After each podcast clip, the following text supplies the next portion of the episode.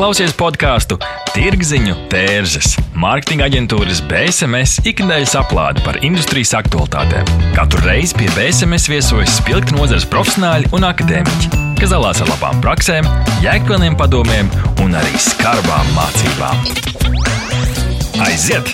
Šodien Tirziņu tērzes studijā Inta Buša.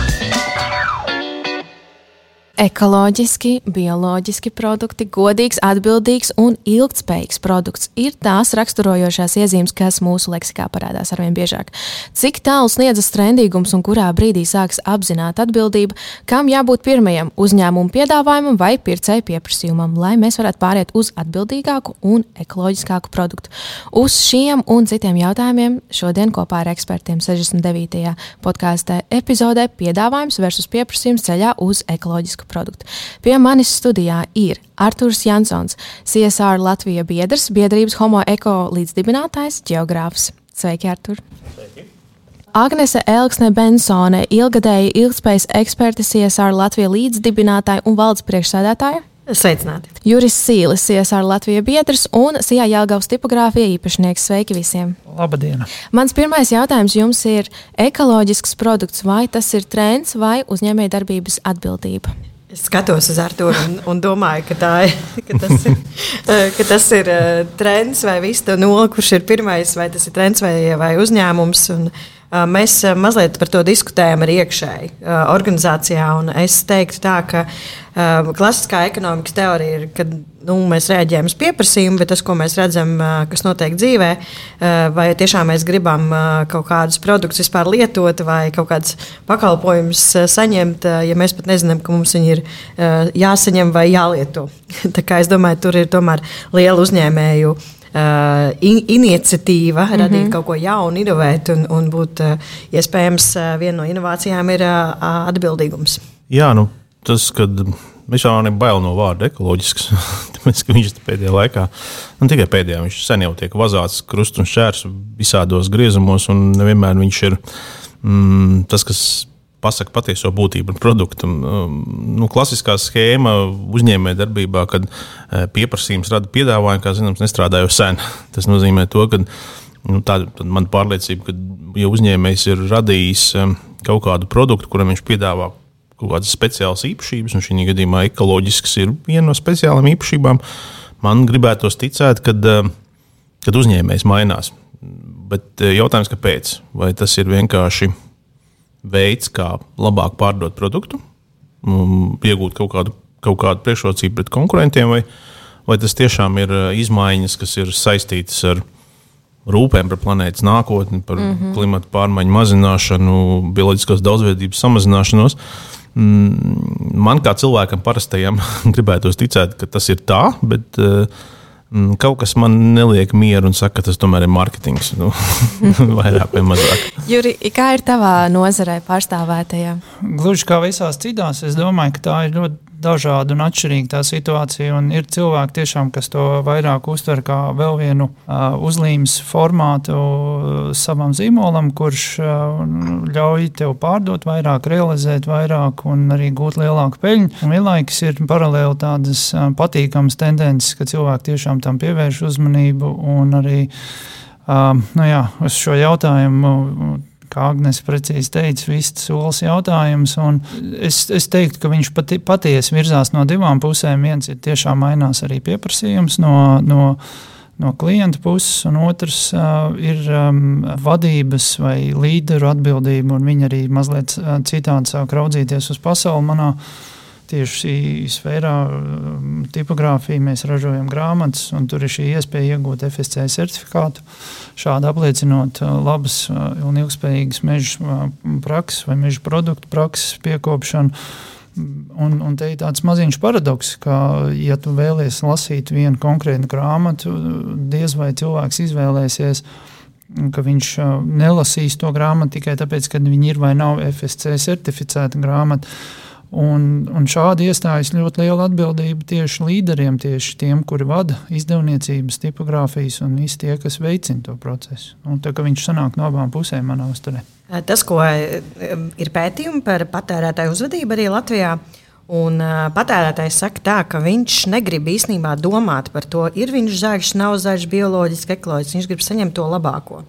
Un, um, un negrib arī maksāt vairāk, jo uzskata, ka tai jābūt jau ir cenā iekšā šai atbildībai. Uh, jaunā paudze ir īpaši aktīva izrādīt šādu te, uh, uh, iniciatīvu, un, un viņi pat ir pārsteigti, kā, kā nav. Mm -hmm. Kā nevar, tur nav iekšā tas, nu, tas labākais, ko esmu vēlējies. Un vēl Latvijā ir diezgan liela uzticība uzņēmumiem. Kā, um, kā patiesības paudējiem, un kā, nu, kā viņi jau mums nepārdos kaut, kā, kaut ko sliktu. Ja? Uh, iespējams augstāk nekā pat mēdījiem šobrīd, vai politiķiem, vai valstī kopumā. Tā, kā, tā ir milzīga atbildība attiecībā uz uzņēmumu, ko viņš iepako tajā pārtiks produktā, vai celtniecības materiālā, vai, vai grāmatā. Ja, tā, tā ir tāda milzīga atbildība. Un tas sanāk, ka, ka tas nav pat tieši uzņēmuma vadītāja vai viņa klienta jautājums. Turpat blakus stāvošs darbinieka jautājums, jo uzņēmums vai uzņēmējs ir nu, uzņēmums kā jēdziens, tātad plašāks, krietni kā, kā īpašnieks tikai vai kā. Ja, un, at, atbilstoši tur veidojas tā ekosistēma, kas mainās, kas, kas kaut kādu gan iekšējo, gan ārējo pieprasījumu formātā arī transformē to vidi lēnām. Mums daudz par to jārunā, tāpēc arī biedrība un viss cits. Jo vairāk runāsim, jo labāk būs rezultāti. Tas, ko es gribēju piebilst, man liekas, ka brīdī, kad uzņēmējs iznāk ar paziņojumu, nu, teiksim, es tirgoju tikai bioloģiski certificētu produkciju, eh, viņam tiek pievērsta papildus un eh, daudz stiprāka uzmanība nekā nu, produktu tirgotājiem parastajiem. Uh, Un tā ir tā robeža, ja viņš ir gatavs viņu pārkāpt, jābūt gatavam, ka viņi arī kontrolēs. Nu, bet kontrolēs, bet pieprasīs atbildību. Jo ļoti viegli ražot vienkārši tāpat tās. Otra lieta ir paziņot, ka tu esi labs. Un parasti jau Latvijā ir tāda tendence, ka tos labos meņus izsist visu laiku, ja, nu, kur tu lec ārā kopējā konteksta.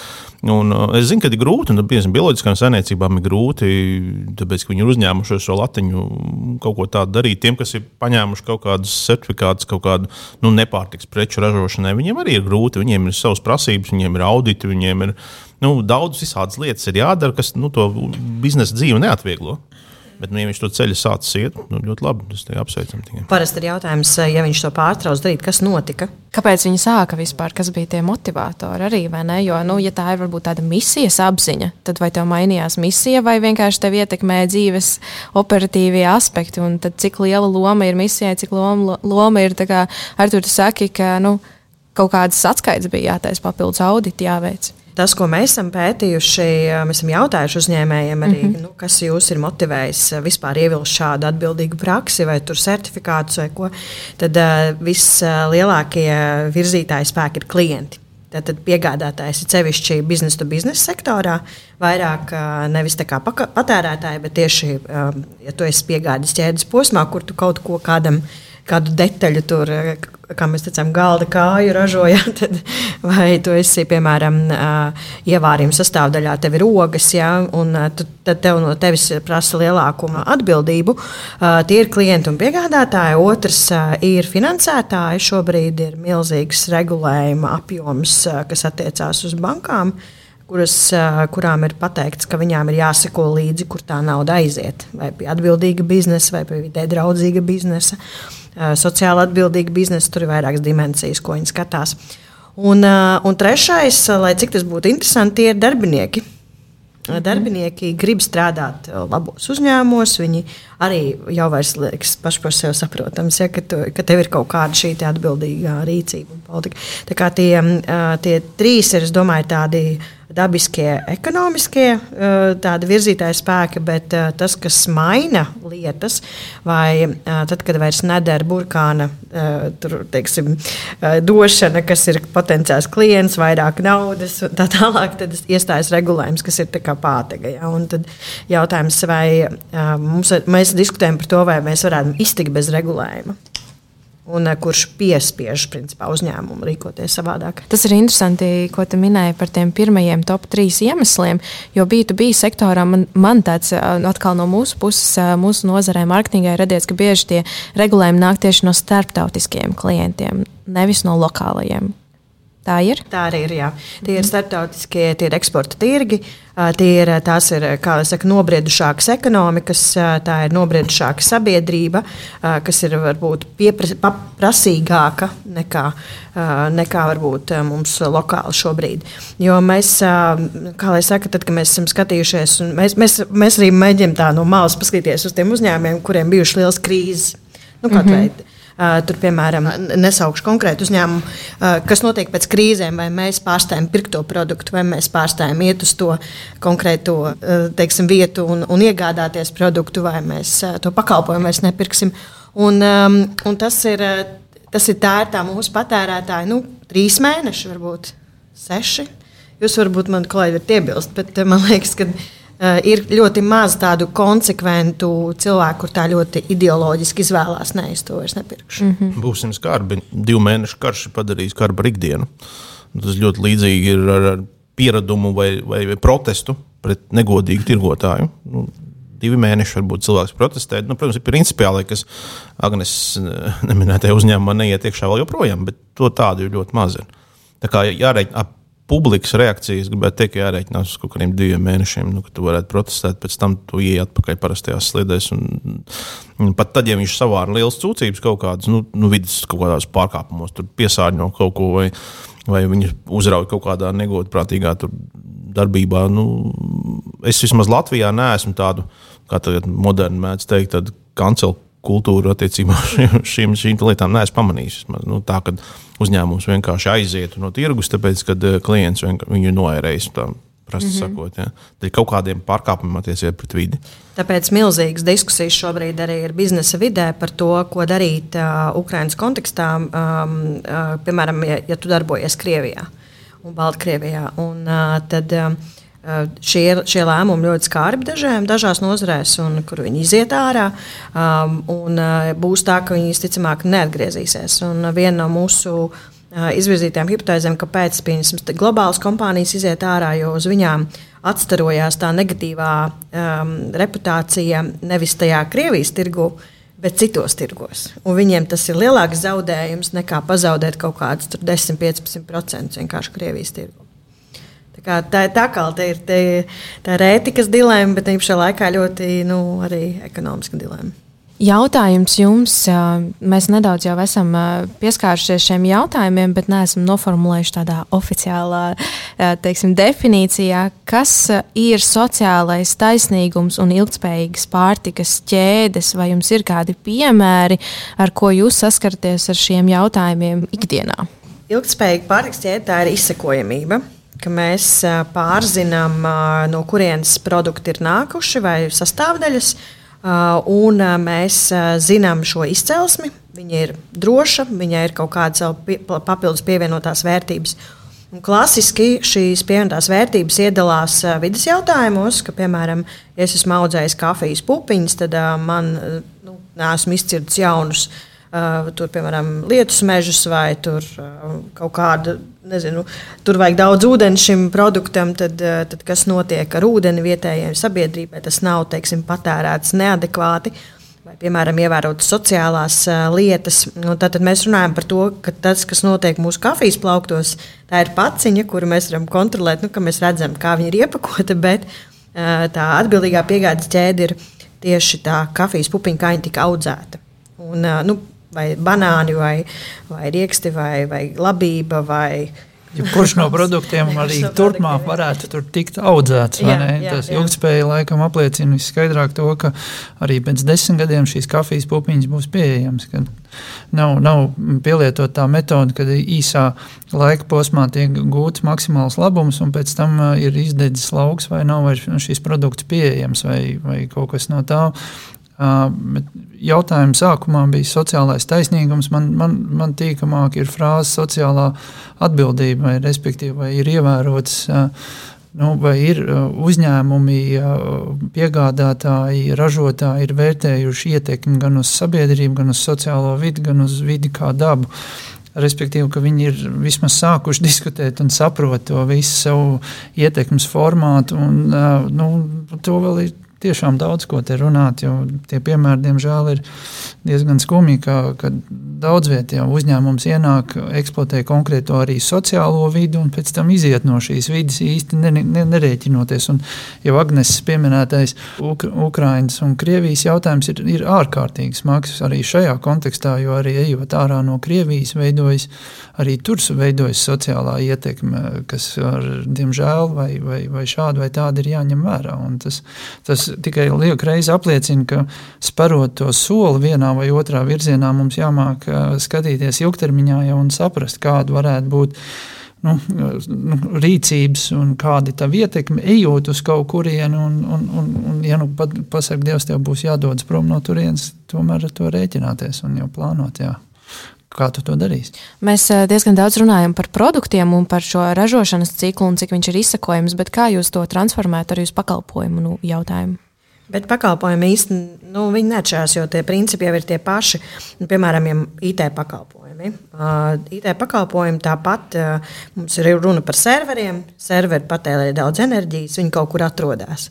Un, ja serveris atrodas, uh, piemēram, uh, tādās valstīs, kur ir autoritārie režīmi vai nu, totalitārie režīmi, tad skaidrs, ka tavs risks attiecīgi pieaug. Tur nu, pirmā, pirmā šķirošana notiek, kur atrodas nu, mani dati, ja, kur, kur es ar, es ar to strādāšu.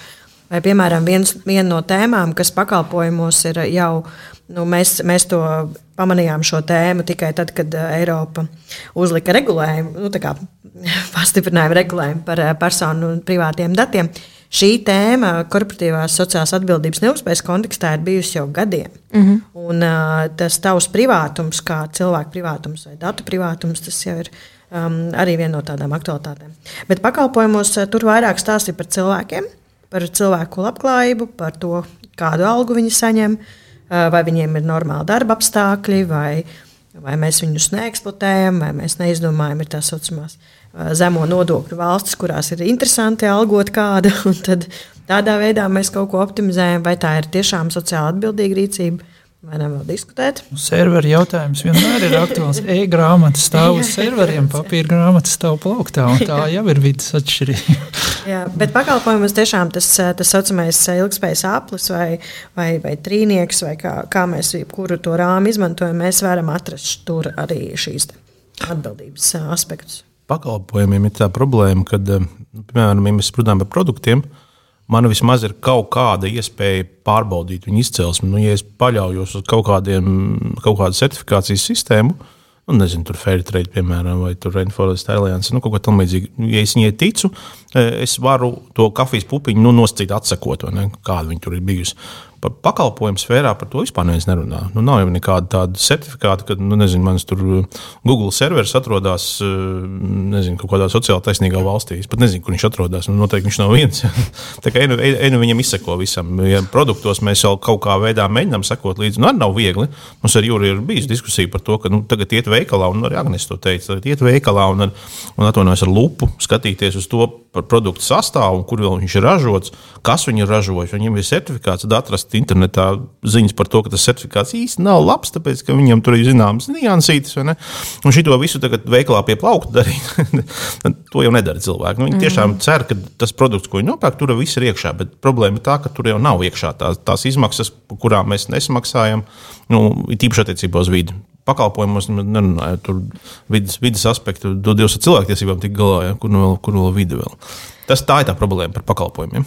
Mēs dodamies eh, nelielā reklāmas pauzē, bet tikmēr tu klausītāji var padomāt, kur atrodas eh, tavs serveris. Neatbildami jautājumi, sarežģīti lēmumi. Sazinies ar Norstat. Mēs palīdzēsim. Norstat. Tas ir draudzīgs servis, innovatīvi risinājumi un kvalitatīvi dati, lai tu varētu pieņemt veiksmīgus, datos balstītus lēmumus. Pievienojies vairāk nekā simts Latvijas uzņēmumiem, kas uzticas vadošajam datu risinājumu nodrošinātājam Ziemeļeiropā. Mūsu mērķis ir atvieglot tavu dzīvi un ļaut pieņemt pareizus lēmumus. Norstat - vērtīgi dati svarīgiem lēmumiem. www.norstat LV BSMS tas ir zīmola pārdošanas un mārketinga atbalsts, stratēģijas, satura un menedžmenta pieredze kopš 1999. gada. BSMS nodrošina radošas, tradicionālas un digitālās pārdošanas veicināšanas kampaņas un konsultācijas. Apmeklē mūsu mājaslapu www.bsmslv un uzzini vairāk! Mēs diezgan daudz runājam par, par vidi. Skaidrs, ka tā ir viena no trim ļoti svarīgām ilgspējas šķautnēm, bet ir vēl ekonomiskā ilgspēja un arī sociālā. Kāda ir šo abu loma ekoloģisku produktu radīšanā? Pirmais, ko man vienmēr gribas pateikt, kad, tā, kad mēs runājam par um, vidas sociālo un ekonomisko ietekmi ilgspējai, korporatīvā sociālā atbildībā, tad uh, nekādi nevajag uztvert, ka ekonomiskā sadaļa ir kaut kādā veidā upurējama par labu uh, citām divām, otrām divām. Ja.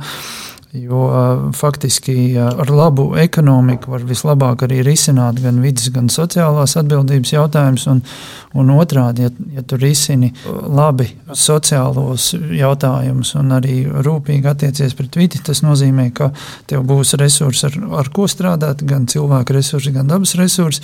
Un tas, tie resursi tev arī nodrošinās to ekonomisko stabilitāti. Un, un, man nekad nav paticis, kad kāds mēģina pretstatīt šīs lietas vai mm, saukt to par kaut kādu savu veidu upuru. Es vienmēr aizstāvu šo ideju, ka šeit upuri nav, šeit šīs visas līdzsvarā stājās vienā līmenī un palīdz um, nu, to ilgspēju arī nodrošināt. Es teiktu, tā, ka no sociālajiem aspektiem, ko vērtē arī pie tā, lai tas produkts būtu ekoloģisks, ja kāds pretendē arī uz šo ekoloģiju un uz bioloģiskās dažādības saglabāšanu, tad vi, visi tie cilvēki, kas ir iesaistīti procesā, viņiem ir ārkārtīgi svarīga darba vide.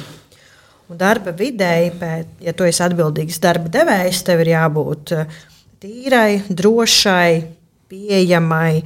Nu, Tātad visas šīs vērtības, kuras tu veido tajā darba vidē, ētiskai, godīgai, caurspīdīgai. Un tādēļ, kā jau saka, mēs šobrīd arī mums ļoti viegli vai patīk runāt vairāk par vidi, jo mēs viņu varam saskaitīt tad uh, to cilvēku uh, vai sociālo aspektu mums ir ļoti grūti saskaitīt. Jo, uh, teiksim, tā, dar, to, to var piemēram izmērīt. Tajā, ka ir, nav tik liels darbinieku mainīgums, vai, piemēram, darbinieki neslimo, vai nav tik daudz darba nelaimes gadījumu, vai nu, vispār tādi nav tādi gadījumi. Ja? Ka uzņēmums ir apņēmies nu, kā, rūpēties par to darba vidi. Un tad, eh, tas, arī, tas arī ir eh, daļa no šiem certifikātiem, par kuriem arī Arthurs minēja. Tā, tā ir daļa no, eh, no tiem vērtējumiem. Tāpēc man patīk dažreiz padiskutēt par kurš vērtējums ir labāks vai sliktāks. Tie, kas ir speciālisti, jau nu, detaļas zina, tad um, ir stingrākas un mazāk stingrākas prasības. Un vienām tev laiž cauri, un otrā tev nelaiž cauri. Tu nevari dabūt šo novērtējumu. Tāpēc arī mums ir kā sabiedrībai, kā patērētājiem, jābūt daudz izglītotākam. Mums jāsaprot, ko viņi tieši prasa. Vai tu vienkārši samaksā vairāk, un tad tu ceri, ka viņi to naudu noveltīs tiem saviem darbiniekiem, maksās labākas algas un tā tālāk, vai, vai viņi vienkārši paņems sev. Jā, tā jābūt ļoti uz, uh, respektīvi, zīmols bioloģisks vai ekoloģisks. Nebūtu nenozīmē to, ka viņš ir sociāli atbildīgs. Mums ir tāds viens labs hrestomātisks piemērs no viena liela lielas, milzīgas banānu audzētāju korporācijas pasaulē, kurai ir bioloģisko banānu sērija. Mēs viņus varam nopirkt arī pie mums veikalā, bet viņiem nekad nebūs certifikāta, kas, kas garantēs, ka viņi veic sociāli taisnīgu biznesu. Viņi vienkārši nedabūs. Tāpēc, ka ja mēs šīs kompānijas vārdu iesaistīsim Google, tur pirmie tūkstoši rindīs būs izliks ārā tiesvedības par, par, par, par darbtiesību pārkāpumiem ja, šajā uzņēmumā. Tā kā cerēt to, ka tā zaļā lapiņa, nu, kas ir bioloģiskās certifikācijas simboliņš, nosedz arī vispārējās jomas, nē noteikti. Tāpēc ir jāskatās kopums, ja, ne tikai bioloģiski certificēts, bet arī tas, kas ir skatās šo otru un trešo jomu. Uh, vienlīdz kā tur es piekrītu Jurim, jā, ka viņas nedrīkst nodalīt. Un, nu, nav pieļaujama cilvēka eksploatācija pat bioloģiski certificētās banānu plantācijās. Nu, augstāku mērķu vadīt. Jā, jā augstāku mērķu vadīt. Jā, nu tas cilvēka resursu jautājums ir, tā kā Agnēs minēja, ka tik, tik ļoti svarīgi ir nodrošināt labas darba apstākļus cilvēkiem, lai viņi justos labi. Un es vienu cenšos likt komandu un teikt, ja mēs vēl tiktu tālāk un to vadmotīvu no, nomainītu, ka mēs nodrošinām labus darba apstākļus, lai cilvēki labi justos un varētu vairāk strādāt un vairāk izdarīt un vairāk ļaut nopelnīt, bet lai viņi vienkārši labi justos kā cilvēki. Viņi vienkārši būtu priecīgi būt. Un tad jau arī paralēli jā, darba vietā un mūsu sabiedrībā, respektīvi, tad, tad arī mēs paralēli varētu risināt vai pastarpināt, varētu risināt tos jautājumus, ko mēs, par kuriem mēs uztraucamies, ka cilvēki dodas prom no Latvijas, vai viņi nepiedalās tik aktīvi demogrāfijas jautājumu risināšanā vai kā citādi, jo tas viss beig beigās nu, veido to kopsumu. Un tie visi jautājumi ir tik ļoti saistīti, ka jo dziļāk tu ej, jo tu saproti, ka tas ir vēl viens aspekts, vēl viens aspekts, un tas viss ir tādā ilgspējas lielā mutelī.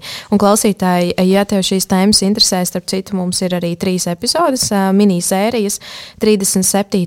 par sociālo ilgspēju, 38. par vides un 39. par ekonomisko.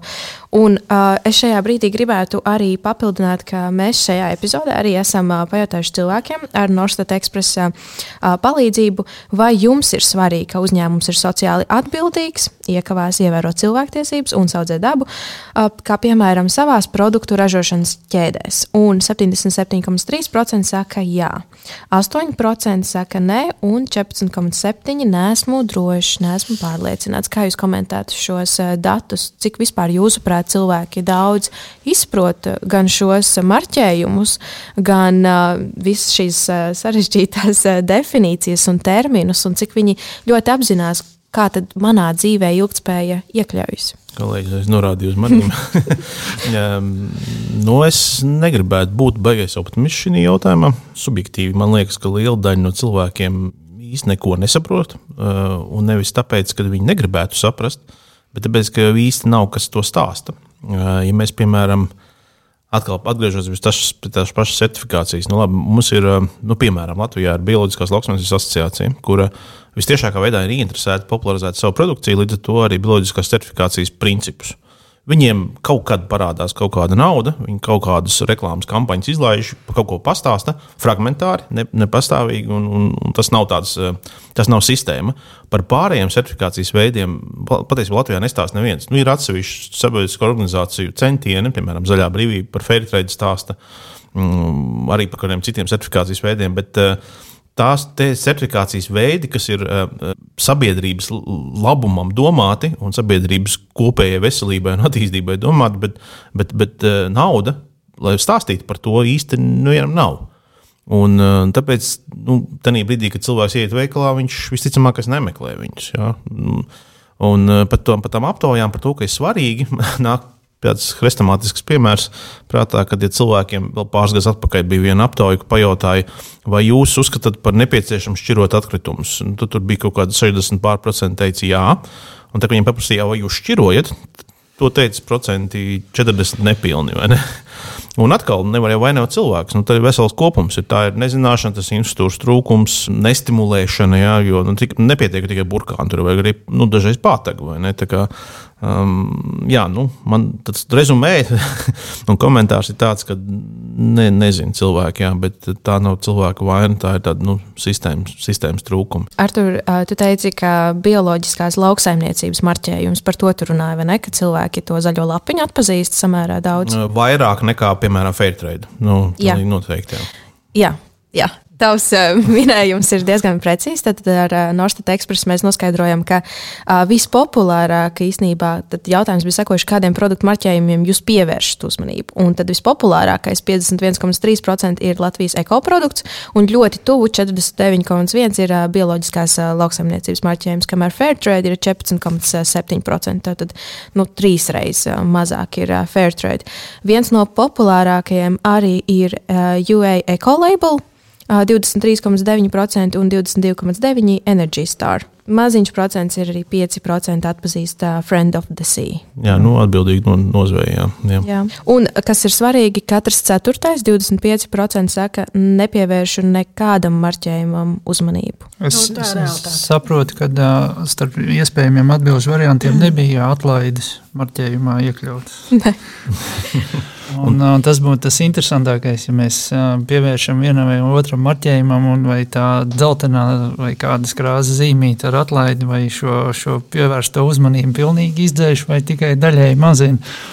Tas būtu nākošo pētījumu jā, jautājums. Un, Bet tā hipotēze būtu, ka pievērš cenu zīmē pavisam noteikti lielāku uzmanību kā marķējumam. Jā, jā es iz, izvirzītu tādu domu, jā, ka, nu, respektīvi, šī labā griba, es domāju, ir, ir noteikti vērts novērtēt aptaujāto dalībnieku labo gribu, pievērst tam uzmanību. Un, kā jau Artūrs minēja, ka realitāte pajautā, vai tu esi par mieru, jā, es esmu par mieru, un, un, bet, ja jādodas karot, tad es dodos karot. Un, un, tad, tā, tāda fenomena eksistē. Tas, bet atkal, es, es, es, cen, es, es būtu priecīgs, un es, es, es to darīšu. Es priecājos, ka cilvēki grib un, un seko līdz marķiem. Viņi var atbildēt uz kādiem jautājumiem, tā jau visi tāda sava veida bāze, kur ir jāstrādā. Un, un, kā Arthurs minēja, ir jā, jāmācās, jāizglīto un, un jāturpina darboties. Un tādā veidā nu, šis pavisam vienkāršais algoritms, ja paradoks, ja mēs, kā es parasti minu, ja mēs visi izvēlētos ēst tikai gurķus, tad eh, diez vai kāds ražotu un tirgotu tomātus. Respektīvi,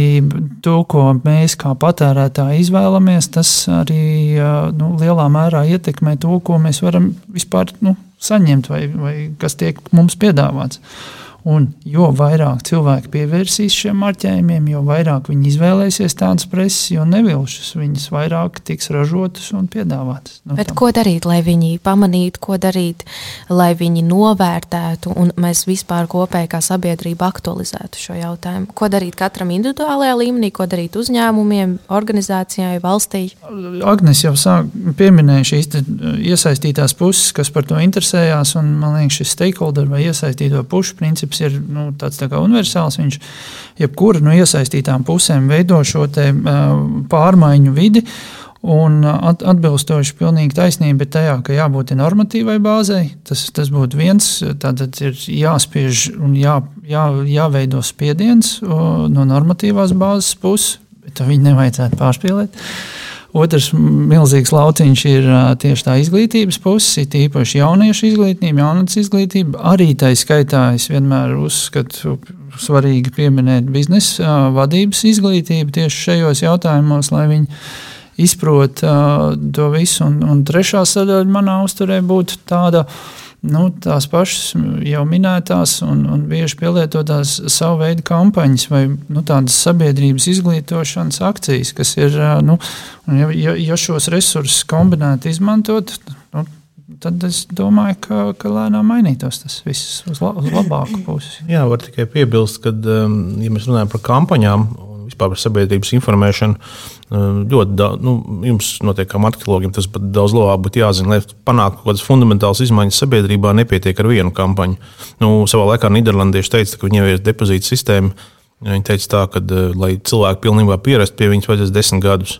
Tad, kad Latvijas valsts meža ieviesa cūkmeni programmu, viņi teica, ka, lai cūkmenis aiziet tautās, vajadzēs desmit gadus. Nu, ehm, mūsu sabiedriskā informēšanas finansējuma galvenā problēma ir eh, projektu formāta finansējums, kas paredz vienu gadu, nu, respektīvi, vienu gadu ietvaros, tu kaut ko vari darīt.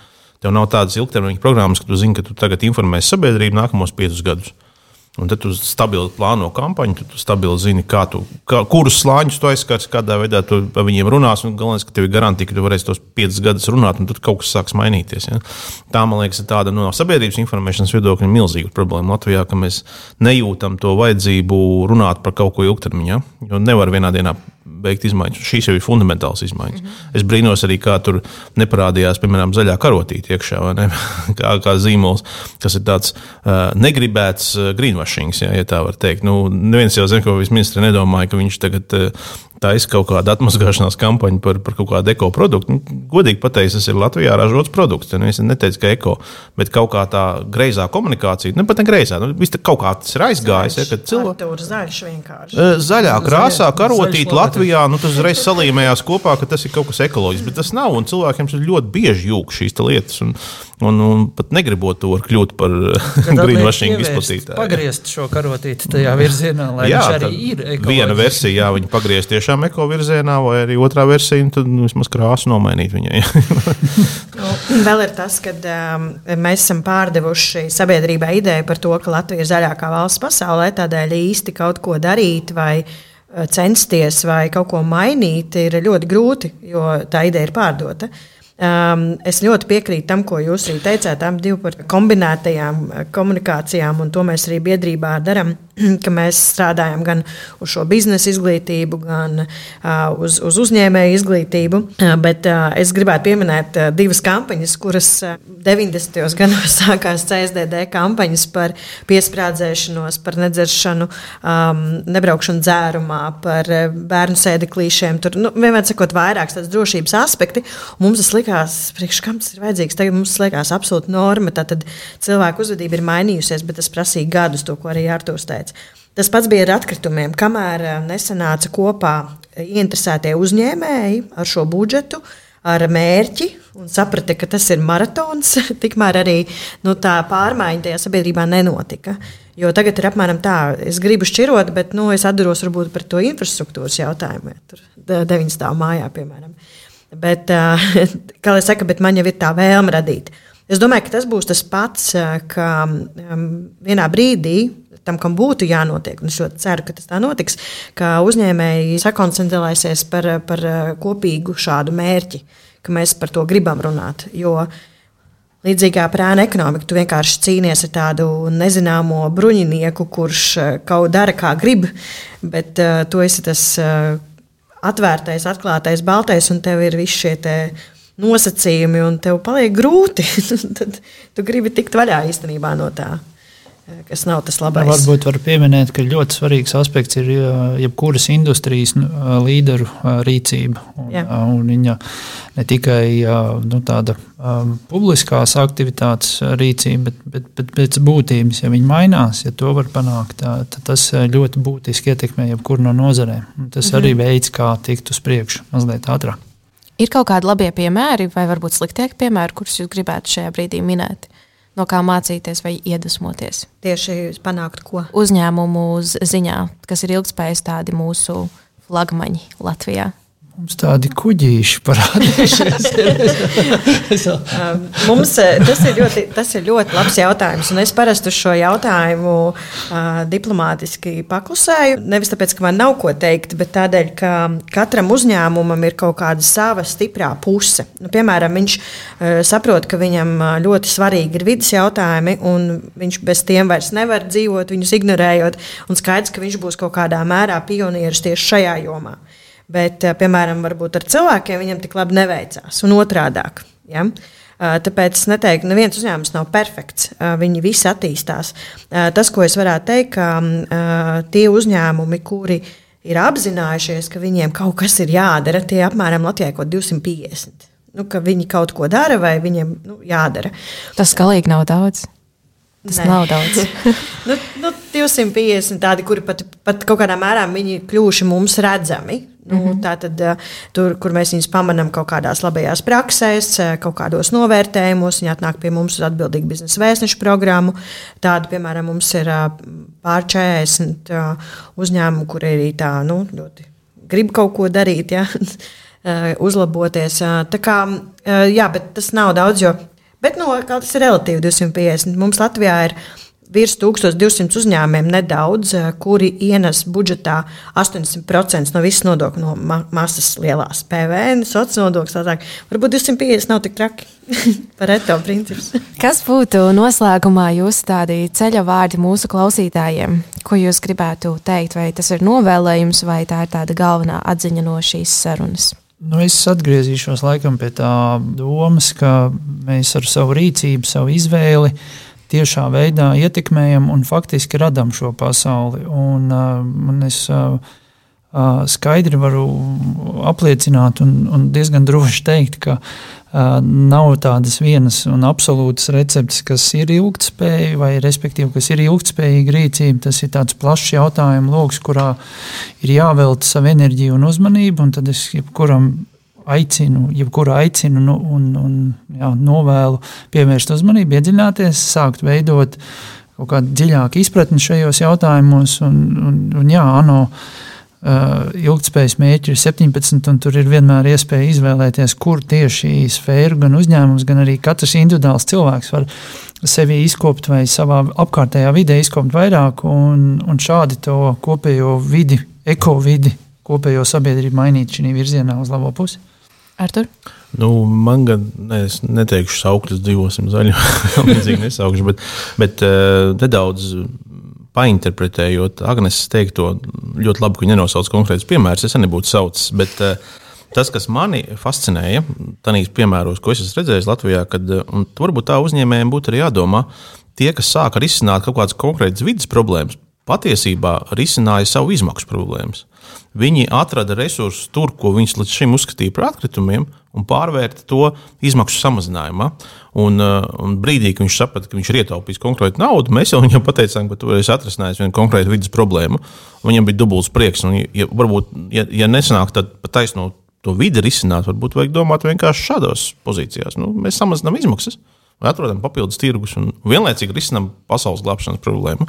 Ja Jā, tā doma, varbūt tas ir daudz vienkāršāk. Nu. Es labprāt papildinātu šeit ar tieši tā, jo sakārtotā vidē, jebkuram rodas papildus resursi attīstībai. Vai tas būtu uzņēmuma produkts vai pakalpojums, tirgus, sakārtotā vidē ir daudz vieglāk attīstīties.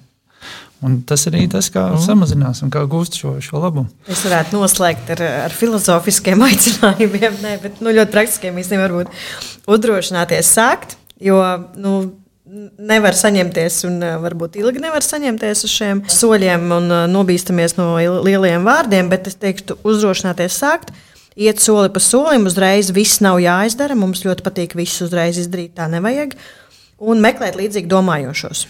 Un tie līdzīgi domājošie mums Latvijā, ko mēs darām, mēs esam biedrībā. Uh, Tur nākamā gada biedrība būs desmit gadi. mēs uh, mācām, mēs uh, iedvesmojam un dalāmies, un arī esam kritiski liekas, kaut kādā mērā pret sevi, ko mēs uh, mainām arī viedokli. Jo vienkārši pasaule mainās. Lielas paldies! Jā, tad ar mani studijā šeit bija Artūrs Jansons no CSR Latvija, Agnese Alksna Benzone, ilgdēja ilgspējas eksperte, arī CSR Latvija līdzdibinātāja un Juris Sīlis, CSR Latvija biedrs un Jāgals tipogrāfijas īpašnieks. Lielas paldies jums! Paldies, ka klausījāties BSMS podkāstu Tirziņu tērzes. Aplādi ar labām praktiskām, jēgpilniem padomiem un skarbām mācībām. Patika epizode? Dalies sociālajos medijos, ir idejas tēmām vai viesiem? Raksti mums! Tās bija Tirziņu tērzes. Tiekamies nākamnedēļ!